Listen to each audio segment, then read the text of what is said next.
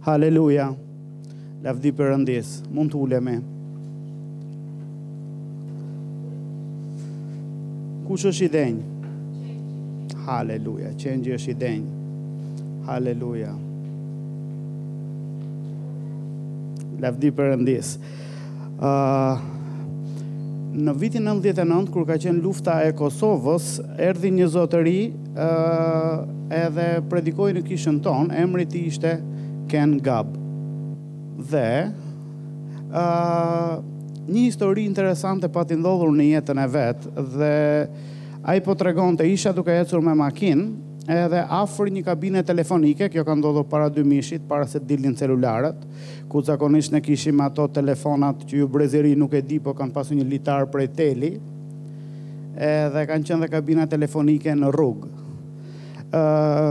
Ken Gab dëgjon zërin e Frymës së Zotit që i thotë shko te kabina telefonike dhe shkon atje dhe dhe dëgjon që uh, bjeri telefonit dhe ky ka Ça numri t'i bie, bjeri telefonit edhe krijon një numër dhe i bie telefonit, nga ana tjetër del një zonjë edhe i thotë alo, ky i thotë alo, kjo i thotë kush je ti, unë jam Ken Gab, nuk të njof, e di që nuk të njof thotë dhe unë nuk të njof ty, po pse më ke marrë në telefon thotë, mund ta kesh të vështirë ta besosh, por Zoti më tha t'i bija këtij numri telefoni, urdhëro tha? Zoti më tha t'i bija këtij numri telefoni. Zoti ti flet me Zotin? Tha Zoti flet me mua. Uh, ajo ja fillon të qarës. Ana tjetër ky thotë më fal thotë nuk po kuptoj ça po, ça po ndodh edhe thotë zotëri ti nuk e di thotë unë thotë sapo isha duke vrarë veten thotë edhe ra zilja e telefonit dhe unë kapa telefonin dhe ti më thua që zoti të tha t'i biesh këtij numri telefoni dhe ai i foli për Jezusin e udhëhoqi tek Zoti dhe ajo pranoi Jezusin dhe i dha jetën Jezusit. Haleluja. Zoti ta di numrin e telefonit. Zoti ta di adresën. Zoti ta di ku e ke shpinë dhe Zoti e di dhe pse të qan zemra. Amen. Haleluja. I japim lavdi Perëndisë. I japim lavdi Perëndisë. Jezusi i tha gruas tek pusi i Samarisë, Ju adhuroni atë që ju nuk e njihni, ne adhurojmë atë që njohim. Haleluja! Ti nuk mund të adhurosh përtej asaj që ti njeh. Aq sa ti e njeh Zotin, aq sa ta ka prekur zemrën, le të marrim 15 sekonda edhe t'i tregojmë atij dashurinë tonë. Haleluja! Haleluja! Haleluja! E ndjeni?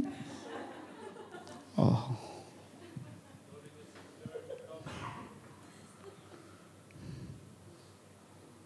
Dhe unë e ndjej. Nëse ndonjëri nuk e ndjen as me këtë tani, më vjen shumë keq për ju. Aleluja. A dua ta hapim Biblën tek Luka kapitulli 7.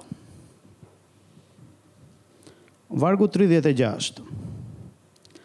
Një nga farisenjtë e ftoi atë, Jezusin, të hajë bashkë me të. Dhe Jezusi hyri në shtëpinë e fariseut dhe u ul në tryezë. Dhe ja, një grua nga ai qytet, që ishte një mëkatare, kur mori vesh se ai ishte në tryezën e shtëpisë së një fariseu, solli një enë alabastri plot me vaj erëkëndshëm. Haleluja! Le të themi së bashku Jezusi, Fariseu, mëkatarja. Tani ti je njëri nga këta të tre dhe unë jam i sigurt që nuk je Jezusi.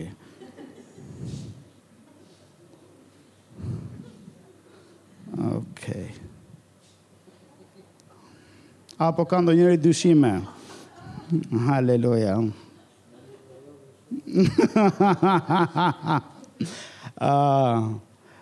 Kjo histori është shumë e bukur, do sepse sjell në të njëjtën tavolinë me Jezusin dy kahet e kundërta në të cilat janë të ndarë njerëzit. Dhe shpejt apo vonë gjithsecili do t'i takojë njërës nga këto dy kategori, o do jetë tek kategoria e farisenjve, o do jetë tek kategoria e mëkatarëve. Okej. Sa për dijeninë tonë, domethënë, që të dy janë mëkatarë, edhe fariseu, edhe mëkatarja, po fariseu nuk beson që është mëkatar.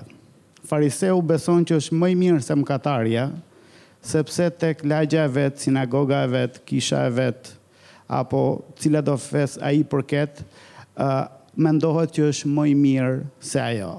Ne kemi një rast në Bibël kur Jezusi merr parasysh një mëkatar dhe një farise, të cilët shkojnë të dy në tempull, e edhe që të dy bëjnë nga një lutje, dhe lutja që bën fariseu është kjo, shef mëkatarin afër vetes dhe thotë, Ooh, Zot falemnderit që s'jam si ky.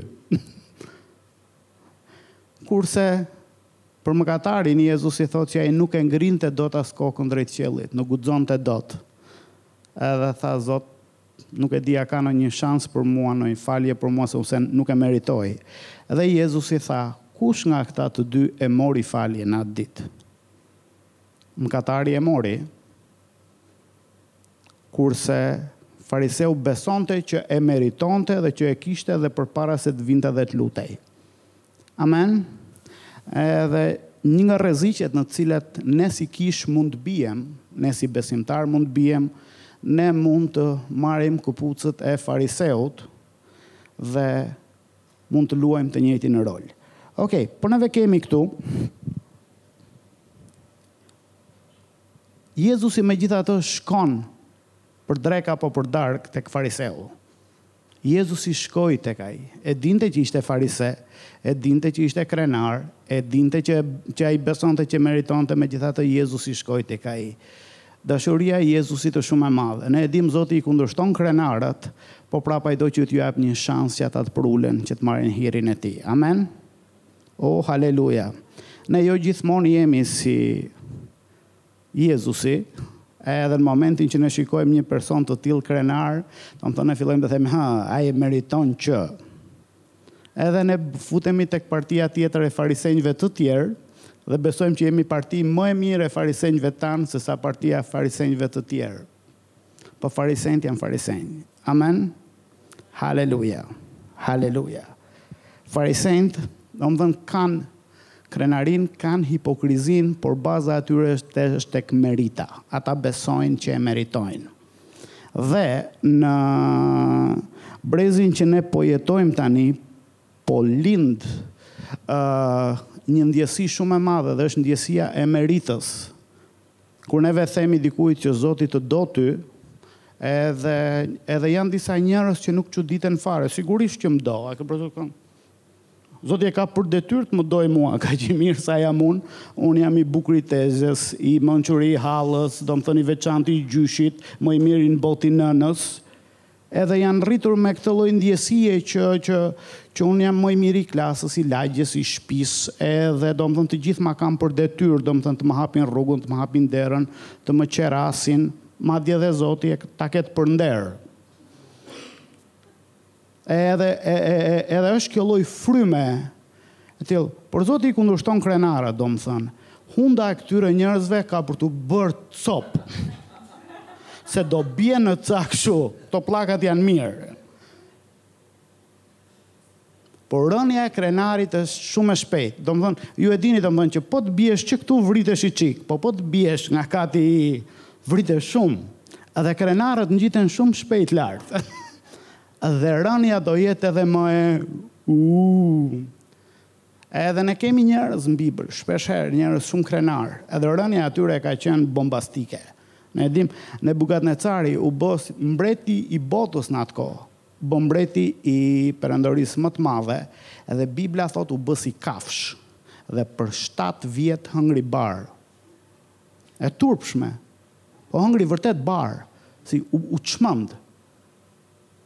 Edhe në fund të shtatë vjetëve i thirri mëndjes dhe u pendua përpara Zotit dhe Zoti i restauroi jetën.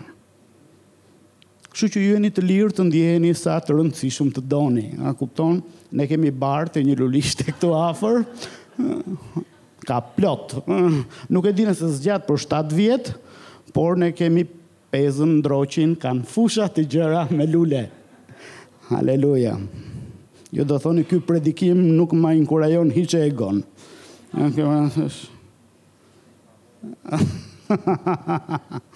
oh, haleluja. Ju do thoni nga i ke mësuar ti këto gjëra. Kam ngrënë dhe unë ca barishte në jetën time. Dhe më besoni, prandaj s'jam më vegjetarian. Haleluja. Oh.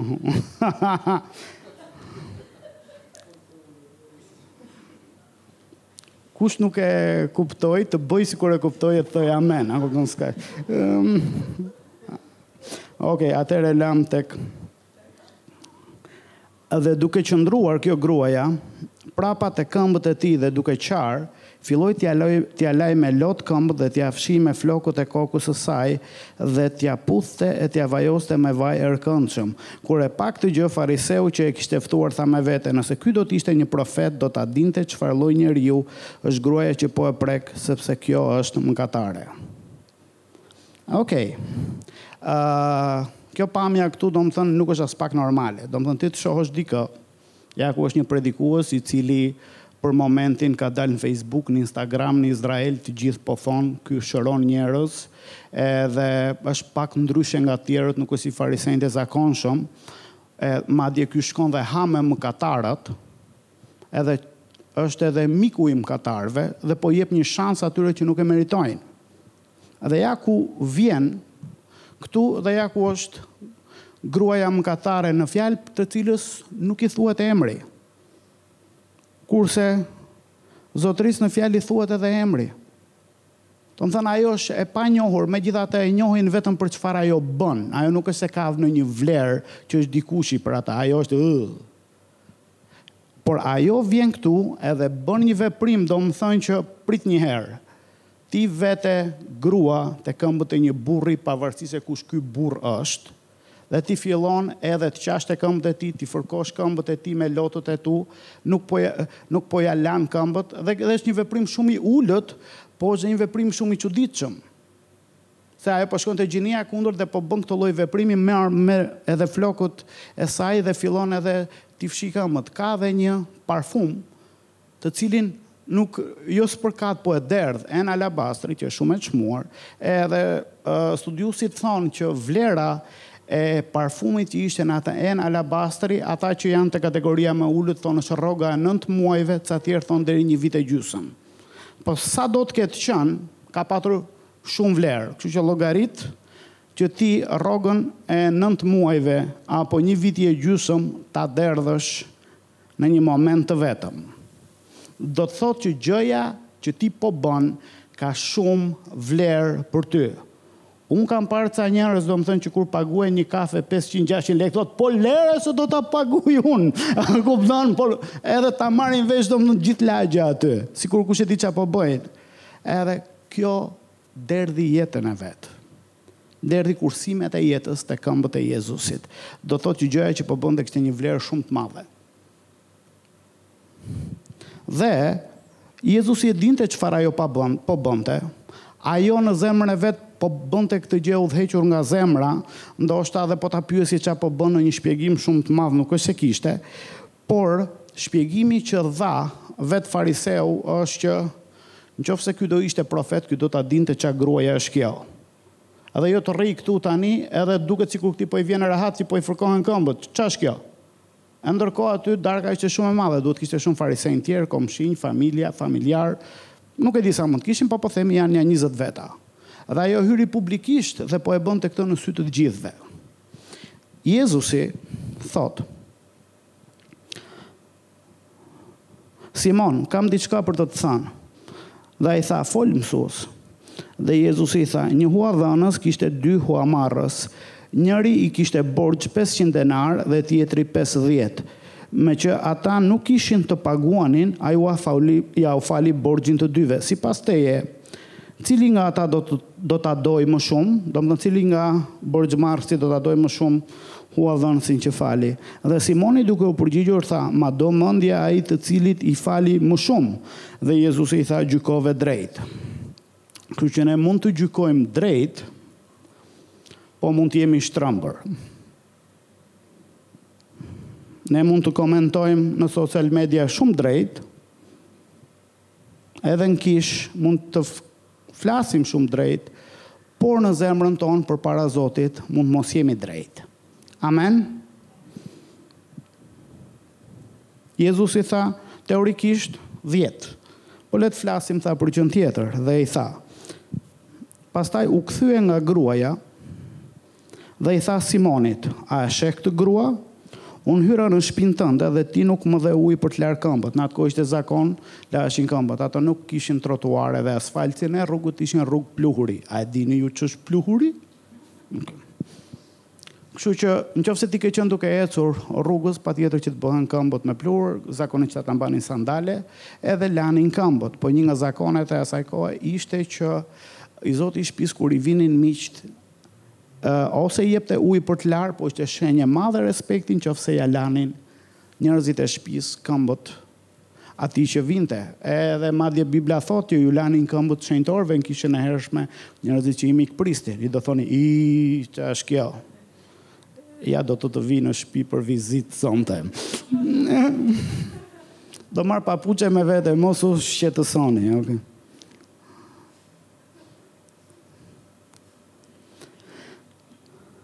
Ti nuk më dhe ujë për të larë këmbët, ajo përkundrazi m'i lau këmbët me lot dhe m'i fshiu me flokët e kokës. Domethënë, ajo mori gjënë më me vlerë për të, që janë lotët. Mori flokët që janë në kokë, e edhe erdhi te pjesa më e ulët e imja, te këmbët. Dhe madje po e quan për nder këtë gjë. Ti nuk më dhe as edhe një puthje, por ajo qysh se hyra nuk pushoi së puthuri këmbët e mia. Ti nuk më vajose kokën me vaj, kurse ajo m'i vajosi këmbët me vaj erkëndshëm. Prandaj unë po të them se mëkatet e saj të shumta i janë falur, sepse ka dashur shumë. Por kujt i falen pak, do pak, pastaj i tha asaj, mëkatet e tua të janë falur. O lavdi Zotit.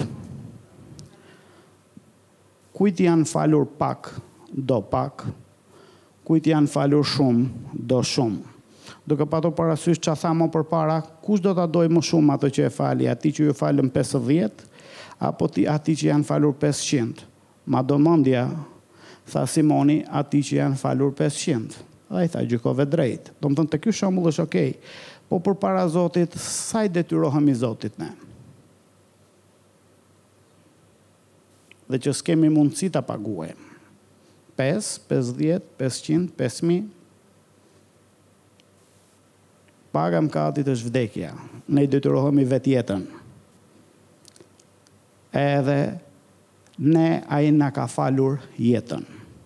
Madje na ka dhuruar jetën e përjetshme. Madje jo vetëm na fali jetën tonë, por shkëmbeu jetën e Birit të Vet për jetën tonë. Dhe kujt i janë falur pak, do pak. Kujt i është falur shumë, do shumë. Çështja është se të gjithëve ne na është falur shumë, po ca nga ne mendojnë që na është falur pak. Sepse edhe Simonit këtu i ishte falur shumë, por ai jo vetëm që s'ndjente faktin që është falur pak, sepse ai mendonte këtë gjë që kjo meriton shumë falje, madje kjo s'e meriton fare, ça falje do kjo? Ja ku jam unë këtu, unë as për falje s'kam nevojë. Edhe ai ndoshta në qoftë se bënte ndonjë gabim të vogël ndoshta që ky është gjë e vogël që Zoti ma fal pa problem këtë gjë nuk ka nuk i kushton ndonjë gjë Zotit të ma fal mua këtë gjë. Të gjithëve ne na është falur shumë po ca nga ne kujtojnë që na është falur pak dhe ca prej nesh kujtojnë që kjo s'është borxh para Zotit. Amen. Amen.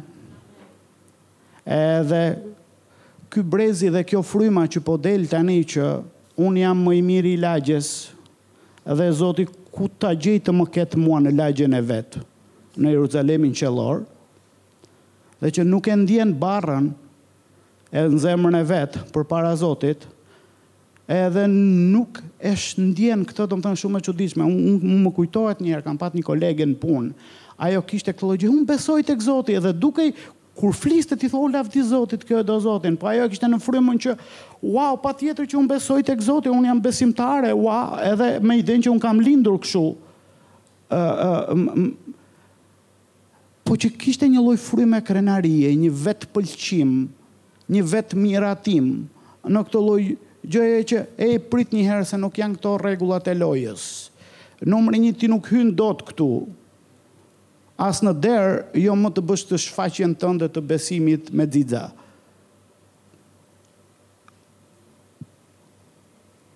Haleluja. Haleluja. Është njëra nga kishat tek Zbulesa kapitulli tre dhe kur Jezusi i shfaqet apostullit Gjon në zbulesë e thotë kam shtatë mesazhe për shtatë kisha të ndryshme lokale që ishin në zonën e Azisë Vogël që është Turqia e sotme edhe ai thotë kësaj kishe do t'i thuash këtë gjë kësaj kishe këtë gjë e kështu me radhë dhe kur vete tek njërat nga kishat i thotë Ti thua që jam i pasur, s'kam nevojë për gjë, i kam të gjitha, jam i fortë etj etj, jam i ditur thotë. Po ti nuk e di thotë që je qyqar, je mjeran dhe je lakuriq. Të këshilloj që të blesh nga unë ar të kulluar, të këshilloj të lash sytë e tu dhe të marrësh petkat e mia dhe të vishesh që mos të duket turpi i lakuriqësisë sate. Kjo më thotë mua që ne mund të besojmë ca gjëra që për ne janë të vërteta, por në të vërtetë nuk janë të vërteta. Amen? Edhe ja ku është një kishë që mendon që i ka të gjitha, po s'ka asgjë dhe s'është gjë. Edhe Zoti i thotë, pendohu nga kjo gjë. Edhe është pikërisht kësaj kishe Për të cilën neve citojmë vargun e famshëm që Jezusi i thotë, Ja unë jam tek dera dhe trokas. Nëse ti hap derën tënde, unë do hyj brenda, do ha darkë me ty dhe ti me mua. Dhe nëqoftëse ajo kish ishte qyqare, mjerane dhe e varfër dhe nuk ishte gjë, dhe që të hante darkë me Jezusin, i binte që Jezusi do ta sillte darkën me vete. Se s'kishte gjë për t'i dhënë Jezusit. Amen? Edhe uh, Zoti ka gjithçkanë e vet për të vetët, por ne duhet pozicionohemi siç duhet. Tani, t'ju them diçka, Zoti nuk është nga ata që uh, përpiqet të tregohet vetë i mirë dhe përpiqet t'ju ulë hundën të tjerëve. Që ta dimë këtë gjë. Ne rrethohemi nga njerëz të tillë që besojnë që janë më të mirët vetë edhe përpiqen t'iu thonë të tjerëve që ti je kështu, poshtë. Zoti nuk është i tillë, sepse te kishat e zbulesës neve shikojmë që nëqoftëse dikush kishte diçka, i thotë bravo, i thotë lumtë, vazhdo kështu. Më kuptoni? Nuk është se dikush kishte diçka po Zoti donte ta ulte poshtë që të ngrinte vetë veten e vet. Jo, ne jemi fëmijët e Tij, Ai na do, e edhe ai zoti i të vërtetës. Dhe nëqoftëse ka ndonjë gjë, domethënë që është e mirë tek ne prapë është dhuratë prej tij. Amen? Ai i tha Simonit, gjykove drejt. Nuk i tha u bëre ti të gjykosh drejt. Amen? Aleluja. O lavdi Perënd. Tani, në lidhje me këtë që sapo lexuam, me këtë gruan mëkatare që shkoi tek Jezusi. Unë dua t'ju them që Jezusi e pranoi. Jo vetëm e pranoi, po e mbrojti në sy të të tjerëve. Dua t'ju them që nëqoftëse ju shkoni tek Jezusi, ai nuk ju kthen mbrapsht. Madje do t'ju mbrojë juve. Ju nuk jeni turp për të. Ajo ishte grua për të cilën pati turp Simoni që ajo i hyri në shpi, se hyri pa leje. Hyri me turmën e miqve dhe vajti drejt e tek Jezusi. Dhe të ishte për Simonin nuk do ta kishte lënë. Nuk do ta kishte lënë në shpinë e vet, edhe ishte nga ata që e pengonte ti nuk meriton të shkosh as tek Jezusi. Por Jezusi jo vetëm që e pranoi, po e mbrojti dhe e lavdëroi në sy të Simonit dhe në sy të gjithëve dhe vazhdon ta lavdërojë për breza me radhë deri sot në sytë tanë. Amen. Nëqoftëse ti shkon tek Jezusi, Jezusi do të të mbrojë, Jezusi do të përkrahi, Jezusi do të kujdeset për ty. O lavdi Zotit! Haleluja! Haleluja! Haleluja! Ai i mbron të vetët. Ai kujdeset për të vetët. Fjala thotë që atij nuk i vjen turp të na quajë vëllezër. Nuk i vjen turp të na quajë motra. Amen? Haleluja! O lavdi Perëndisë! Por vini re këtë gjë.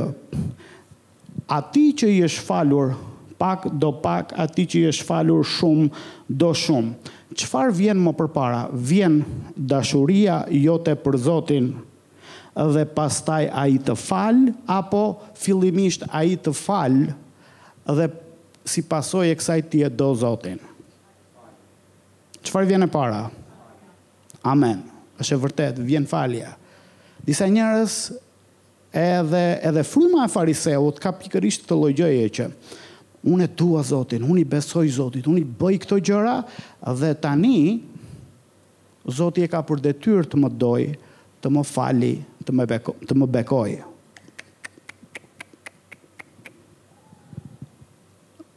Nuk jemi ne ata që bëjmë biznes me Zotin siç duam ne. Sepse ne s'meritojmë rregullat e lojës i ka përcaktuar ai. Dhe ne nuk e meritojmë faljen, sepse një gjë që ta sqarojmë njëherë, falja nuk meritohet. Falja nuk meritohet. Domethënë, ju ndoshta e dini historinë e Napoleonit, një ushtar në ushtrinë e Napoleonit bëri X shkelje, edhe Napoleoni e, Bonaparti vendosi që ta varte në litar. Ai ai ishte djali i vetëm i nënës së vet dhe nëna e vet kur e merr vesh shkon shpejt edhe arrin tek Napoloni përpara se të ndodhte ekzekutimi dhe kërkon takim, i thonë të kërkon një grua, nuk kam kohë, të kërkon një grua. Okej, silleni këtu, thotë, shiko, thotë, djali im është ky, thotë, ai ka bërë këtë gjë. Edhe, thotë, thotë, të lutem, thotë, a ka mundësi t'ia falësh jetën? Thotë, çfarë, thotë, Ka mundësi t'ia falësh jetën, thotë. Si t'ia fal, thotë, ai nuk e meriton. Prandaj po të kërkoj ta falësh, thotë, sepse ai s'e meriton. Se po ta meritonte, thjesht ti po bën, po jep atë që është e drejtë për të. Domethënë, edhe edhe ai u hutua, tha. Një sekond, tha. Po ai e ka bërë këtë gjë. Po pra e ka bërë, i tha. Po ai meriton të dënohet. E di çfarë meriton, unë nuk po të kërkoj çfarë meriton, unë po të kërkoj ta falësh, tha. Aq shumë u hutua Napoloni sa s'po e kuptonte, tha mirë, faleni. Edhe ushtarit iu fal jeta. Por ne kemi vënë re edhe me veten tonë, kur ja kur është dikush që na ka bërë neve një gjë të keqe dhe na kërkon falje për atë gjë, është edhe kështu, unë do të të kisha falur ty po të mos e kishe bërë. E keni vënë re këtë lloj ndjesie, po ti më ke lënduar kaq shumë tani si të të fal unë ty. Po pikërisht falja është për gjënë e keqe që të është bërë. Po po ai nuk e meriton, si ta fal? Po falja është për gjënë e keqe që ka bërë. Amen. A dhe kur vjen puna që ne duhet të falim dikë tjetër, na duket shumë e vështirë, po kur ne kemi nevojë për falje, o ne kemi nevojë për falje. Amen? Haleluja! Lavdi Perëndisë! Lavdi Perëndisë! Por në të njëjtën tavolinë me Jezusin, pra ishte ulur fariseu, që është legalizmi, që është ligji, që është merita, dhe gjithashtu ishte ulur dhe mëkatari, nevojtari. Ai të dy kanë thyer rregullat e Zotit. Por Zoti ka mëshirë, ka falje, ka një mundësi të re për të dy. Amen? Lavdi Zotit për këtë gjë, kështu që në cilëndo anë, në cilëndo anë të tavolinës që ti je, Jezusi e ka derën e hapur. Amen? Haleluja. Dhe shumë prej nesh kanë hyrë te kjo derë, por ama ne duhet të vazhdojmë të ruajmë këtë zemër. Amen? Disa njerëz kanë këtë idenë që oh ky është për fillestarë, për njerëzit që pra, sapo pranojnë Jezusin. Tani unë jam rritur, unë jam bërë drejtor në besim. Dhe ne nuk merremi me gjëra të vogla kështu si falja për shembull. Kemi kaluar këtë fazë ne, a kupton, ne kemi rrogën e drejtorit në besim tani. Edhe Ne jemi gjithmonë në këtë pozitë përpara Perëndisë. Haleluja! Lavdi Zotit! Dhe unë dua t'ju lexoj një varg nga Ligji i Përtërirë, kapitulli 7. Edhe këtu bëhet fjalë në epokën e Ligjit, që Izraeli ishte bërë popull i Zotit, Edhe Zoti ju thotë atyre, dhe imagjino, në, te Ligji i Përtërirë ne shikojmë dhe meritën. Ligji i Përtërirë 28 thotë që nëse ti bindesh, unë do të bekoj, nëse nuk bindesh, ti do mallkohesh, edhe, edhe ti shikon meritën, shumë të fuqishme, po shif ç'a thuhet në mes të ligjit. Kapitulli 7, vargu 7 dhe 8. Zoti i thotë Izraelit, popullit vet, Zoti thotë nuk e ka vënë dashurinë e tij mbi ju, as nuk ju ka zgjedhur, sepse nuk ishit më të shumtë nga asnjë popull tjetër, ju ishit në fakt më i vogli i të gjithë popujve, por sepse Zoti ju do. Zoti nuk e ka vënë dashurinë e tij mbi ty, Sepse ti iu duke i bukur, i mirë, i zgjuar dhe i fortë. Dhe ai nuk rezistoi dot, dhe ti ia fitove zemrën. Ai thotë, Nuk ka ndonjë gjë nga ana jote Që i hoqi petllën zotit. Më falni për termat e kuzhinës. Por nuk ka diçka që tërhoqi dashurinë e Zotit. Ne shpeshherë themi, domethënë shofim diçka themi, wow, sa i gjatë. Wow, sa bjonde. Wow, sa babin e pasur. A kupton? Po që ka diçka që ka tjetri, Që ty të tërheq interesin, vëmendjen, dëshirën, dashurinë, po është diçka që tjetri ka apo bën, apo ka trashëguar. Po është diçka tek tjetri që ty të tërheq vëmendjen dhe interesin dhe dëshirën. Në rastin e Zotit me Izraelin, ai thotë nuk është se ke ti ndonjë Aftësi, cilësi, karakteristikë, zotëron ti ndonjë gjë që më bëri mua të të dua ty. Jo, jo, jo, jo. Unë e vura dashurinë mbi ty sepse unë të dua. E para Gjonit kapitull katër vargu tetë thotë Zoti është dashuri. Zoti është dashuri. Zoti është dashuri. Zoti ka fuqi.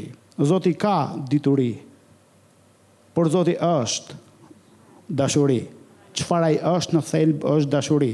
Përpara se ti të jesh dhe mbasi ti ti ti të ikësh, Zoti është Dashuri. Është aq i mbushur me Dashuri sa që buron Dashuri. Dielli ka dritë.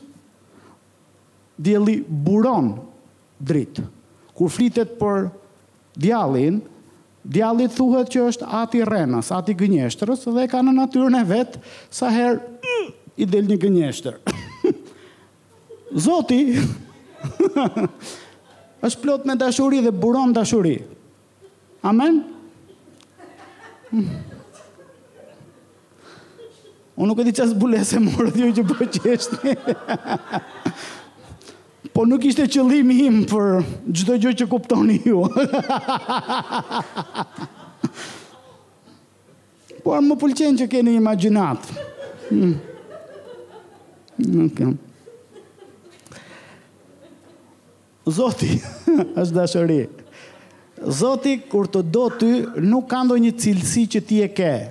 Pra nuk është se ti je i miri i tezes, e bukura e hallës, i miri i fisit dhe prandaj dhe Zoti të do ty tani. Ai të do ty sepse ai është dashuri. Domethënë nuk ka ndonjë gjë nga ana jote që ja tërheq dashurinë Zotit me magnet ndaj teje se kalon ti dhe tak Zoti ktheu kokën uaoo si qenka ky unë s'rri dot pa e dashur këtë do ta shpëtoj se s'bën aku nuk është kjo në qoftë se do ishte për meritë që ta themi këtë gjë domethënë qoftë se do ishte për meritë Isaia e thotë kështu thotë, Do të ishim bërë si Sodoma dhe do t'i kishim ngjarë Gomorrës, po të mos ishte për hirin e Perëndisë. Domethënë që Simoni të mburret përpara mëkatares dhe thotë unë meritoj, ti meriton bashkë me Sodomën dhe Gomorrën të digjesh përjetë. Dhe Zoti mos të të japë një mendim të dytë. Në momentin që ne shohim mëkatin tonë, u u u u u u. Isaia te kapitulli 5 thotë u rrëmbye në vizion dhe pa qiellin, edhe pa fronin e Perëndisë, pa serafinët duke ardhur rreth e rrotull fronit, që thonin i shenjtë, i shenjtë, i shenjtë, shihnin Zotin largojnë i shenjtë, i shenjtë, dhe kur ai pa shenjtërinë dhe pastërtinë e Zotit tha mos. Tha, Unë jam mëkatar, unë kam buzë të papastra dhe jetoj në mes një brezi të papastër. Dhe ai nuk po shifte dot veten. Iu, iu duk vetja i qelbur. Nuk po e duronte dot veten kur pa sa i pastër dhe sa i shenjtë është Zoti. Kur dikush ka dhe një fill mendimi që thotë që io sono dikushi, s'e ka parë akoma Zotin. Amen? Jo, unë vërtet mëkatar jam, po jo si këta. këta janë fare, a kupton? Më kujtohet një herë, domethënë, ishim në kishë edhe uh, një djalë që ka qënë tek shpia e fmijës, edhe kishte dalë në vete, Po që po jetonte si të thuash gjysmën e kohës rrugës, gjysmën ku të gjente ndonjë nga këto shpitë gjysmë të shkatërruara, edhe kishte jetuar për vite në mënyrë të tillë, dhe i predikova Evangjillin. E dija që s'ishte penduar akoma, po po bënte sikur ishte penduar që të merrte një copë bukë. Ishte më i madh se unë në moshë, atëherë kemi qenë të rinj, se dhe unë dikur kam qenë i ri, ë, Por po vinte edhe i dham ca rroba. Domethënë kisha një këmishë timen, po ishte dhe e bukur më. E, po e dhash, u vesh e tjerë e tjerë, e morëm përpiqeshim t'i gjenim një vend ku të flinte dhe vjen dhe në kishë. Po ishim në kishë kështu jashtë, s'kishim takim. Edhe ne kishim një zyrë të kishës më përpara. dikur edhe vjen edhe ulemi tek shkallët aty po bënim muhabet,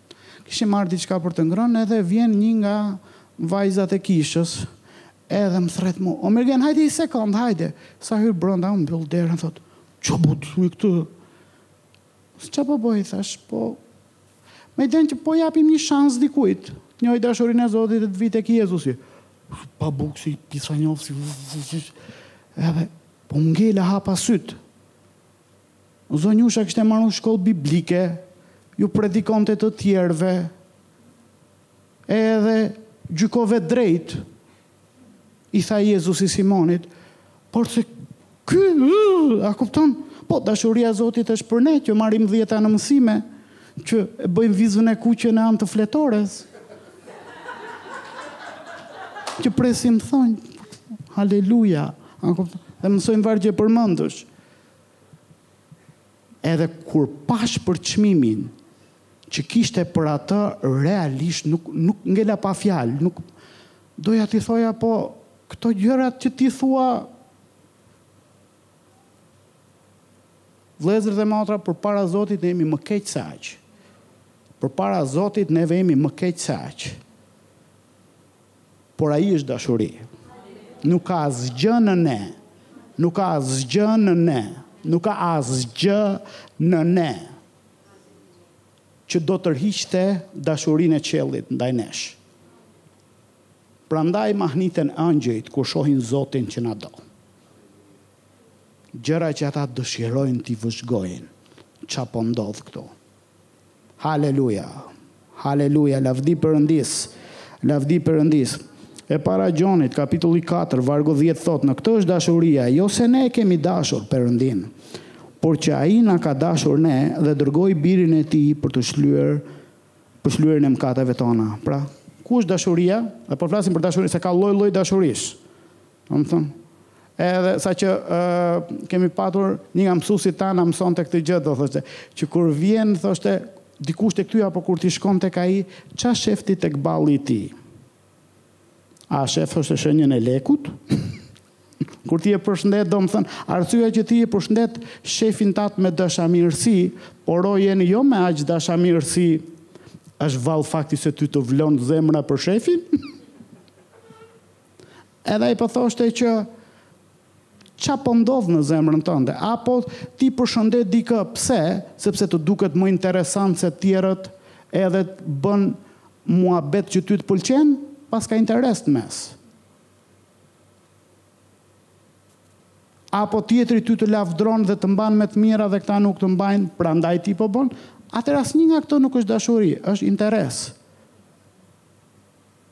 Kur ti po e thua barsaletën, po e thua që t'ju japësh atyre një buzëqeshje apo po e thua që ata të mendojnë sa i zgjuar je ti?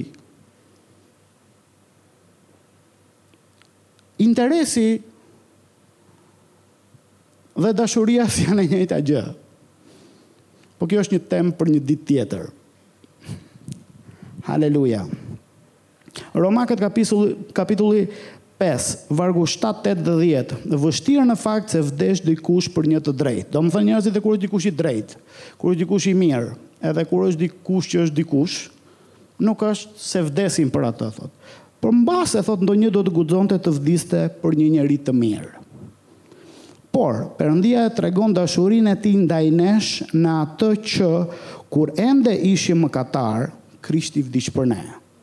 Këtu e tregon Perëndia dashurinë e tij për ne, kur ne ende ishim mëkatarë, s'kishim ndonjë gjë për t'i ofruar apo për t'u pëlqyer, Krishti vdiq për ne.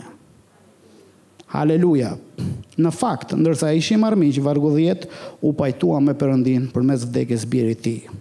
Ndërsa ishim armiq. Dashuri pa kushte. Amen. Haleluja. Ë ë për të gjithë juve që keni ndenjur ca vite në besim, ju mund të keni dëgjuar shpesh herë për fjalën greke dhe hebreje, por kryesisht fjalën greke, të cilën e kemi të përkthyer në Biblën tonë dashuri.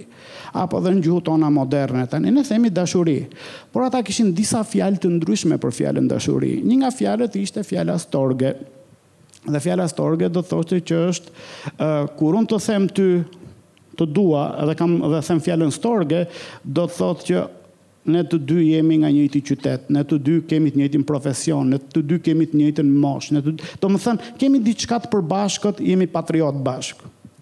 Domethënë qoftë se tani takohemi në Paris, shqiptar ti shqiptar dhe unë plasi këtu, bup, storge. Edhe ne e quajmë këtë dashuri.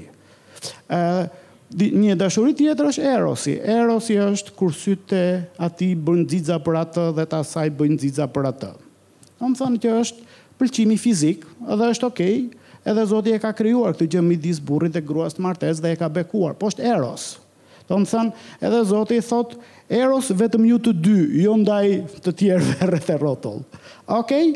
edhe ne e quajmë dashuri. Është dashuri, por është e këtij lloji. Është edhe dashuria tjetër që është fileo, dhe fileo është dashuria shoqërore. Ti më paguan kafen mua, unë ta paguaj kafen ty. Ti më thua mirëmëngjes mua, unë të them mirëmëngjes ty. Fileo, plasi. Jemi shokë. Amo file ju që vini nga Greqia. Edhe por është dhe një dashuri tjetër që është agape. Edhe është dashuria pa kushte dhe është kjo dashuria për cilin jemi duke folur sot. Dhe nuk ka burim tjetër përveç Perëndisë ndaj nesh. Amen? Ai thotë është pa kushte. Ti nuk duhet të përmbushësh ndonjë kusht, thotë Zoti, që unë të të dua ty.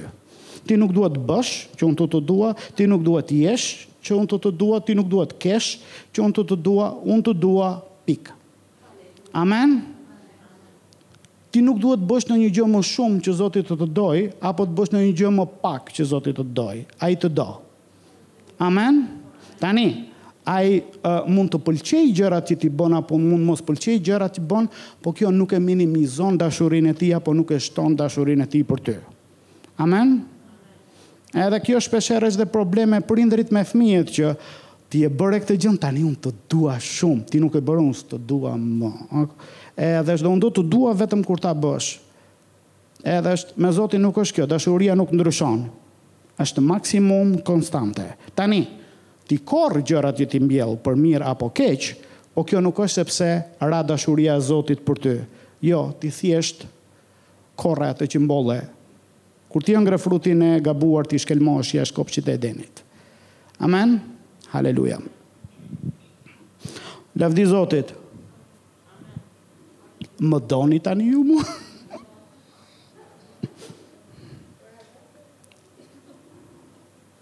E para Gjonit, kapitulli 4, vargu 19, thotë, Ne e duam atë sepse ai na deshi i pari. Kujt iu fal pak, do pak, kujt iu fal shumë, do shumë. Aq sa ti e njeh që Zoti të do ty aq do ta duash dhe ti.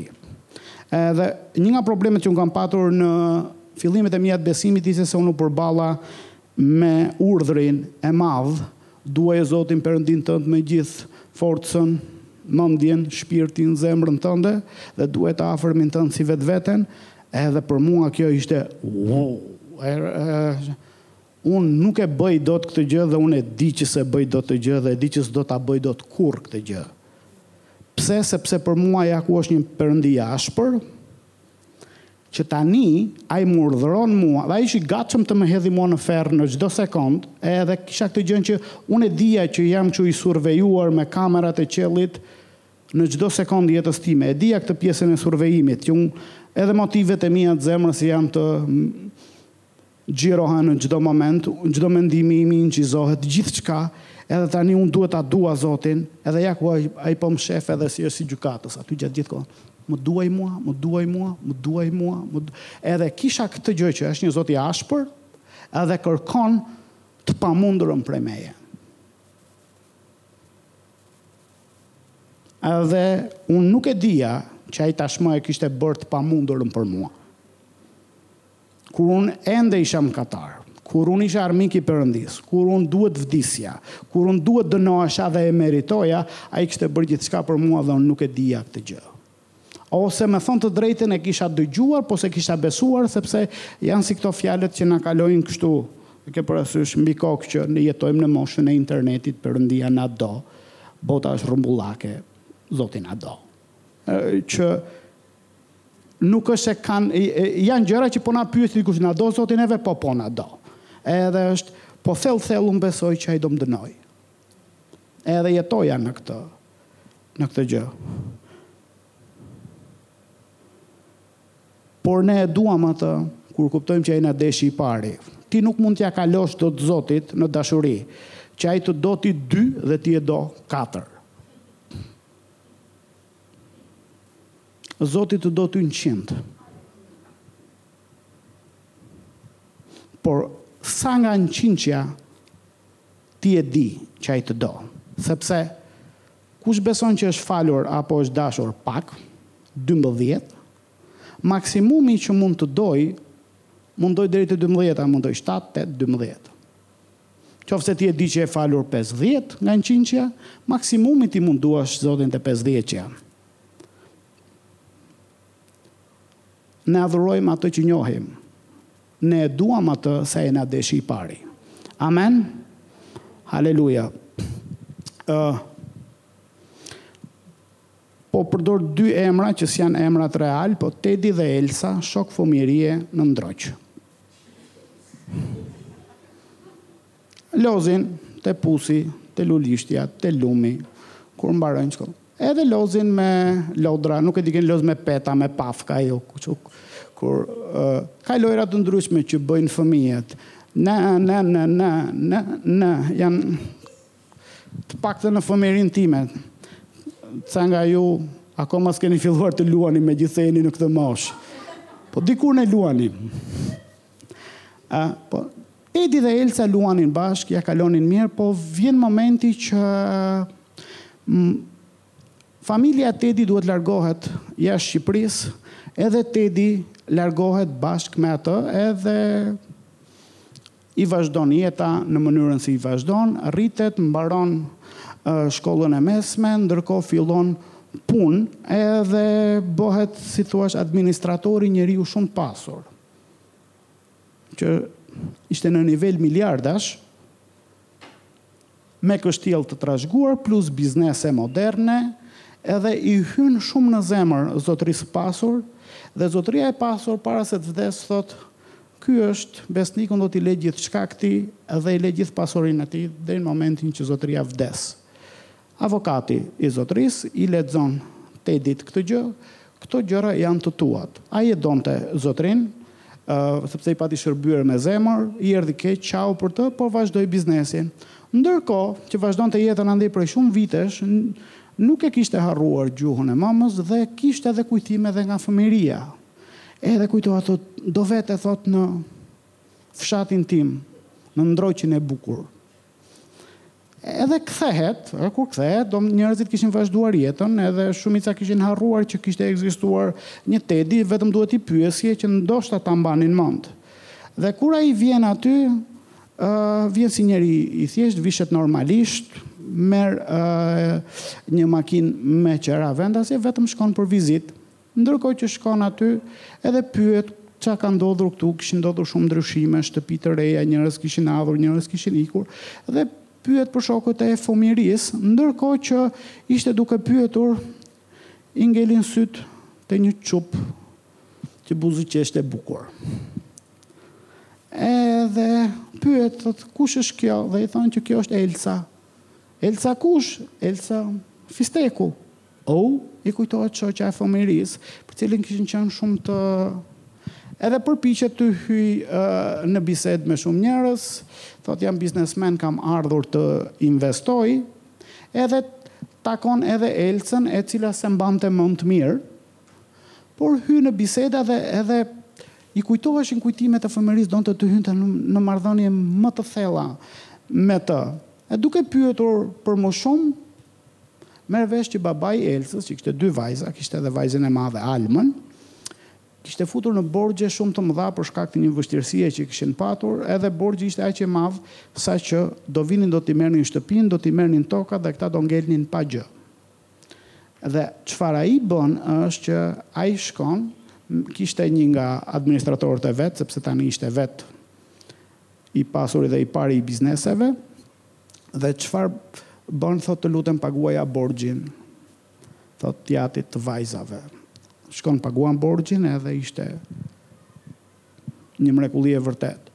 Ndër të tjera, merr vesh, shikon që vjen ambulanca, ça ka ndodhur me urgjencë, ndërkohë që vjen autoambulanca, edhe merret Elca dhe ky pyet E thotë, çfarë i ka ndodhur Elcës, vjen motra e vet, është Alma, edhe i thotë që Elca thotë ka vetëm një veshkë dhe thotë e ka në rrezik, thotë, e do të po e çojnë në spital të shohin çfarë ka, mund të më vini në dijeni se çfarë ka?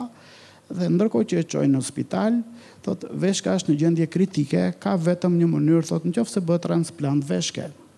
Thot, e thot, sa kushton, thot, sepse, thot, do ta paguaj unë.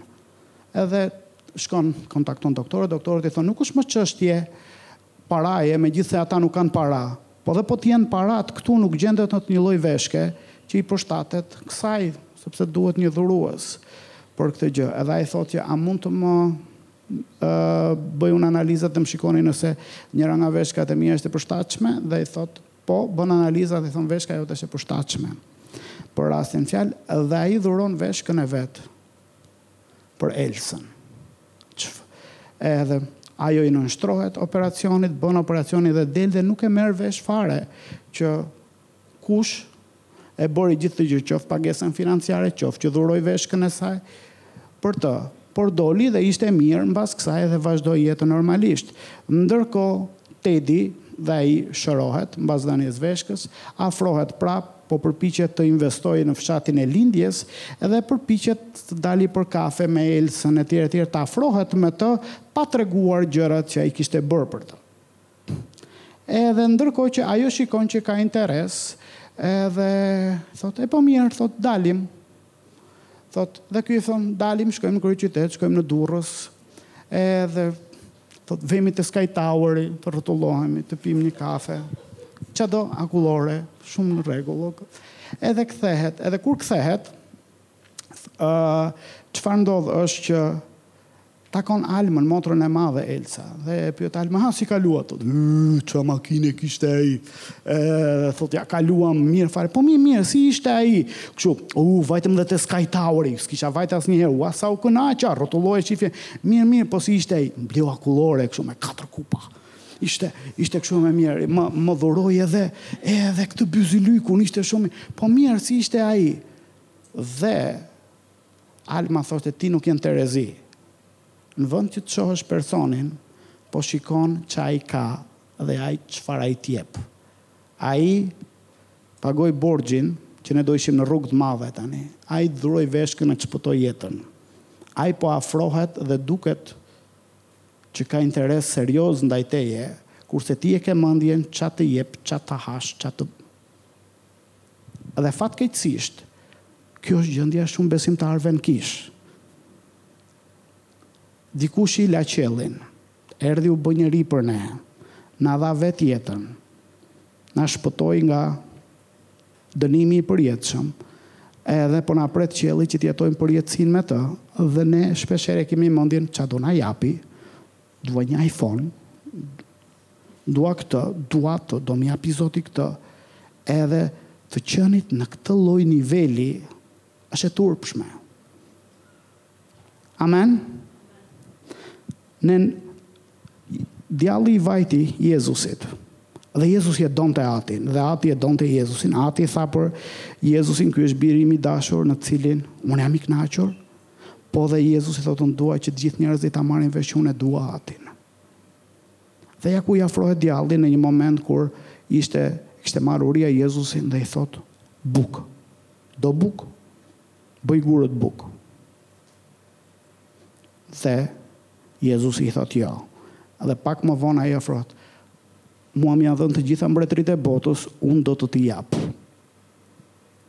Veç më duaj mua. Hiq dorë nga ati. Në Bibël, kjo quhet idhujtari. Gjoni, apostulli i dashurisë, e mbyll letrën e tij të parë duke thënë, Ruhuni nga idhujt. Çfarë është idhujtaria? Është që dashurinë që ne kemi për Zotin, ta kthejmë te diçka tjetër apo te dikush tjetër. Kushdo apo çfarëdo qoftë gjëja që fillon dhe merr vëmendjen e zemrës tënde dhe dashurinë e zemrës tënde është idhull. Mund të jetë e mirë apo e keqe në vetvete, por fakti që i zë zem vendin Zotit në zemrën tënde është idhull. Amen? Dhe Zoti kur jep dhjetë urdhërimet thotë unë jam një Perëndi xheloz. Tani, ne kem kur thuat që dikush që është xheloz apo filanka është xheloze ne mendojmë. Ii, sepse ne mendojmë kontrolli ndaj tjetrit. Zoti nuk është nuk ka shpirt kontrolli. Po është okay, domethënë si do ndjehej gruaja ime që të më shohi mua që çdo ditë dal për kafe edhe për pica me vajza tjera dhe me gra tjera. S'ka gjë se unë kam unë të dua ty, thjesht po dal dhe me këto.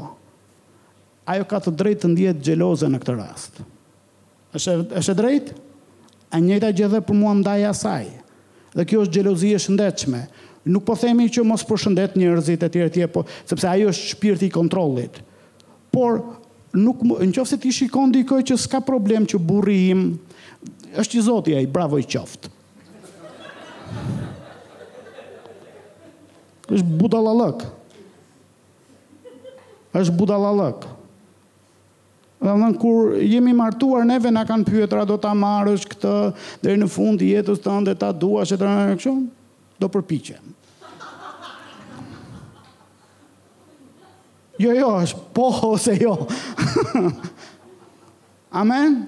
Dhe me Zotin është po. Thotë, unë të dua, thotë, me, me dashuri të këtij niveli, me dashuri të përjetshme, dhe pret të njëjtën gjë, të përjetshme. Amen?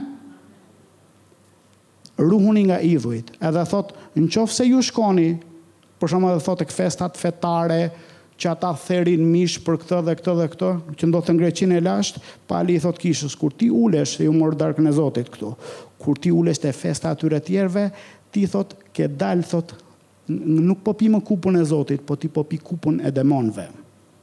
Pse thotë sepse gjërat ve të cilave ata flijojnë vërtet ia flijojnë Perëndisë X dhe Perëndisë X dhe Perëndisë Ypsilon.